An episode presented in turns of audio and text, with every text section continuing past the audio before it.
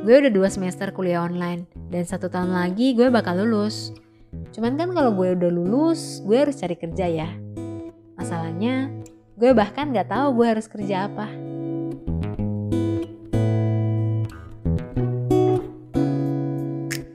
Hai, kenalin gue Mila Tresya dan di episode kali ini gue mau cerita tentang rencana setelah lulus kuliah. Berhubung gue udah mau mendekati semester akhir, gue udah mulai harus mikir nih, gue harus kerja apa, bagaimana, dan yang jelas gue tuh pengen banggain orang tua, kalau kerja gajinya harus gede dan harus sesuai passion. Tapi nggak passion sih, lebih ke arah gue harus nyaman. Masalahnya gini, gue dari dulu gue nggak tahu hobinya apa. Gue juga nggak tahu gue itu orangnya kayak gimana sih. Karena dari SMA gue ikut organisasi, ya kayak gue udah nyicipin jadi sekretaris, bendahara, humas, ketua panitia, seksi perlengkapan. Terus gue juga ikut lomba. Dan selama gue kuliah yang gak beda jauh, belajar, organisasi, baru pulang. Gak ada tuh nongki-nongki atau gabut sama temen. Ya gue mau gimana ya, gue dari dulu memang kayak gitu. Karena kalau misal gue gak kayak gitu, gue harus ngapain gue juga bingung. Dari kecil pun gue dididik kayak dalam 24 jam lu itu bisa ngelakuin banyak hal. Terus di saat itu gue nggak boleh main game, nggak boleh jalan-jalan karena boros, karena bahaya juga kalau misalkan keluar apalagi pulang malam.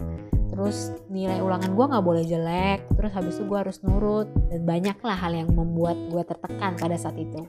Ya kalau misalkan dengan kondisi seperti itu, ya gue mau nggak mau ya kalau nggak belajar ya harus organisasi lah jujur gue akuin kalau misalkan teman-teman gue suka ngecap gue rajin dan gue memang bisa dibilang gue adalah anak yang rajin. Karena nilai gue cukup bagus gue ikut organisasi dikenal sama adik kelas kakak kelas dosen-dosen. Terus kalau misalkan ada tugas gue kumpul tepat waktu hasilnya memuaskan banyaklah kategori-kategori yang teman-teman gue labelin ke gue gitu. Cuma kan gue manusia ya gue tuh gini-gini suka ngeluh setiap kali ngelihat orang kayak ya enak ya jalan-jalan bisa pulang malam bisa explore hal di luar kok happy ya gue pengen deh kayak dia gitu. Apalagi pas pandemi tuh gue mulai lebih sering buka Instagram. Awalnya cuma satu jam dua jam sehari sekarang bisa lebih dari tiga jam. Dan setiap gue ngeliat story Instagram atau feeds temen-temen gue gue semakin merana hidup gue mau gue bawa ke mana gue itu ngeliat teman-teman gue itu bahagia tapi kenapa gue enggak? Dan mereka itu sukses gitu gue kagak gitu gue gini-gini aja. Contohnya nih ada satu teman gue yang punya event organizer. Dia itu udah mulai dari umur 17 tahun dan dia mewakili kampus dan dia bisa memenangkan lomba dan memenangkan hibah dari Kemendikbud ada lagi temen gue yang sukses jadi content creator. Jadi kayak banyak endorse terus habis itu kontennya rutin likesnya banyak followersnya banyak gitu. Ada lagi temen gue yang buka bisnis manajemen endorser gitu dan dia selalu storyin penghasilan dan keuntungannya. Dari situ kayak gue depresi gue iri lah kayak sampai ngatain diri gue sendiri. Kayak gini nih gue itu selama ini ngapain aja sih? Dan masih jadi beban orang tua pula. Kayak makan mandi terus seharian rebahan di kasur nggak ngapa-ngapain gitu. Dan gue mikir kayak gue dari dulu ikut organisasi pun setelah gue lepas jabatan gue ngapain gitu. Dan akhir-akhir ini ada beberapa senior gue yang curhat. Dia karena skripsian kan. Dan dia stres juga karena dia belum dapat kerja di situ. Dia cerita kayak gini Mil gue tuh udah mau lulus gue tuh mikir gue tuh udah 4 tahun kuliah terus gue nggak tahu kerja kayak gimana. Apalagi kayak pandemi seperti ini pas gue ngeplay kerja ditolak mulu dan beberapa pekerjaan yang teman-teman gue bilang dan gue pernah magang itu nggak terlalu relate sama teori-teori yang ada di kuliah gitu. Dan di saat itu kayak oh my god gue kuliah bentar lagi udah mau lulus dan bikin gue makin parno kan. Takutnya gue semakin gak berguna di masyarakat dan malu-maluin keluarga dan yang lain-lainnya gitu. Dan akhirnya kayak gue mulai cerita ke teman-teman gue. Dan gue menyadari gak hanya gue yang bingung teman-teman gue juga. Mereka merasa hidup mereka gini-gini amat gak ada kemajuan apakah terlalu santai?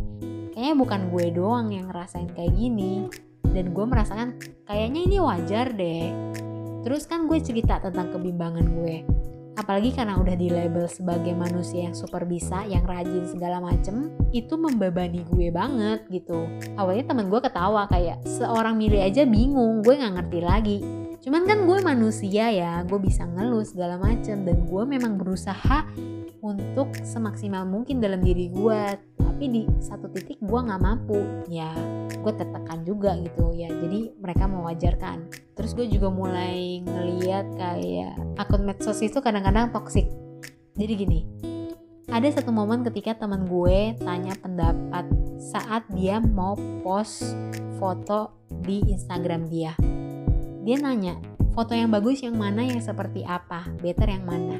Dan bayangin aja gue ngobrolin foto sama dia hampir setengah jam. Bayangin aja coba. Uh, gue sama temen gue tahu satu sama lain. Kami sama-sama berusaha untuk menampilkan sebuah foto yang terbaik. Padahal hidup dia lagi nggak baik-baik banget. Jadi gue ngeliat kayak medsos itu toxic banget. Rata-rata fake gitu. Gue juga jadi mikir, gue pun kalau misalnya post konten Instagram, gue bakal tunjukin hal yang baik gue nggak bakal cerita yang hal-hal yang sedih gue dan gak mungkin gue menceritakan aib gue gitu. Dan dari situ gue mulai ngurangin scroll Instagram. Setelah itu gue coba bandingin diri gue dengan teman gue yang gue anggap sukses secara realistis. Gue berpikir tentang teman gue yang menjadi konten kreator yang sukses. Gue dulu sempat ingin seperti dia karena gue iri sama dia. Tapi gue pikir Coba gue jadi konten kreator. Apakah gue suka bikin konten? Bagaimana gue mengelola Instagram gue? Bagaimana gue menjaga image gue? Apakah gue suka? Apakah gue nyaman? Dan di saat itu gue sadar, gue gak nyaman. Ya udah, berarti gue biarkan dia sukses simpatilah, gak perlu banding-bandingin diri. Contoh lainnya adalah teman gue yang punya event organizer atau nggak bikin bisnis Nah, gue bandingin lagi. Mereka memang berduit, mereka memang sukses. Coba gue jadi mereka.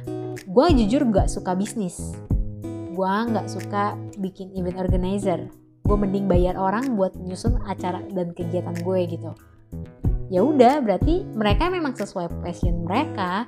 Kalau gue nggak suka ya udah, ngapain gue harus iri-iriin padahal gue nggak suka gitu. Mungkin gue cuma sukanya karena mereka berpenghasilan dan mereka bahagia dan gue iri karena gue nggak bahagia. Dan dari situ gue mulai cari kebahagiaan gue. Dan sembari gue menjalani masa stres gue gue mulai ngobrol sama keluarga gue. Dan salah satu hal yang gue syukuri dari keluarga gue selain mereka menjaga gue bukan mengekang ternyata tapi menjaga gue mereka memberikan gue kebebasan untuk hidup sesuai apa yang gue inginkan. Terkhususnya itu kakak gue dia tuh minta gue buat mencoba segala hal yang bisa gue lakuin dan mengambil semua peluang yang gue punya lalu maksimalkan. Dan dari situ kayak gue tahu gue sukanya apa gue nggak sukanya apa. Gue mencoba untuk gagal gue tahu prosesnya bagaimana. Dan di situ gue bisa menikmati step-step yang gue jalanin saat itu. Dan setelah itu gue juga cerita kayak gue bimbang sama masa depan gue bagaimana. Gue nggak tahu gue kerja harus profesi apa segala macam dan C gue ngasih tahu kalau misalkan kita nggak boleh berpikir untuk menjadi siapa tapi harus berpikir untuk menjadi apa. Apa yang harus kamu lakukan apa value yang mau kamu berikan itu yang akan kamu bawa. Profesi itu nomor dua intinya adalah perilakunya. Nah dari situ kayak menggambar gue banget kayak Nah, gue tuh dari dulu mikirnya kayak profesi-profesi menghasilkan uang. Cuman kayak gue nggak mikir kalau misalnya gue bahagia atau enggak.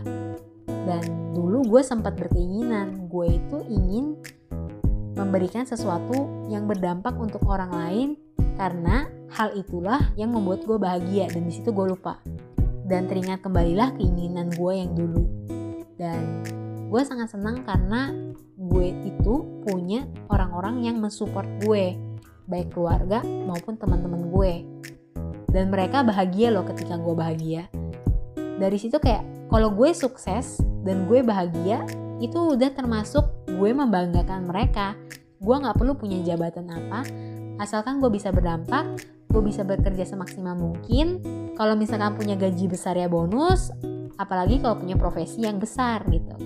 Dan akhirnya gue mulai merubah pola gue. Karena gue stres efeknya adalah gue mager. Dan di situ gue ubah gue mulai dari bangun pagi beres-beres rumah. Nah di situ kan mulai ada vibe baru tuh. Dan gue juga mulai buka website buka Instagram dengan seperlunya. Gue mencari webinar gratis atau kelas online yang bisa membuka diri gue dan wawasan gue gue coba semuanya. Gue cari tahu gue suka apa gue nggak sukanya apa gue ikut-ikut kegiatan-kegiatan online.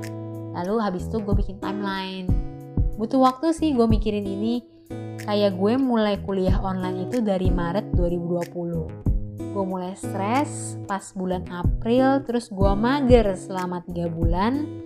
Agustus gue mulai cari webinar ikut-ikut kelas online terus September gue udah mulai masuk kuliah di situ gue nyusun jadwal biar bisa menyesuaikan webinar kelas online sama jadwal kuliah gue.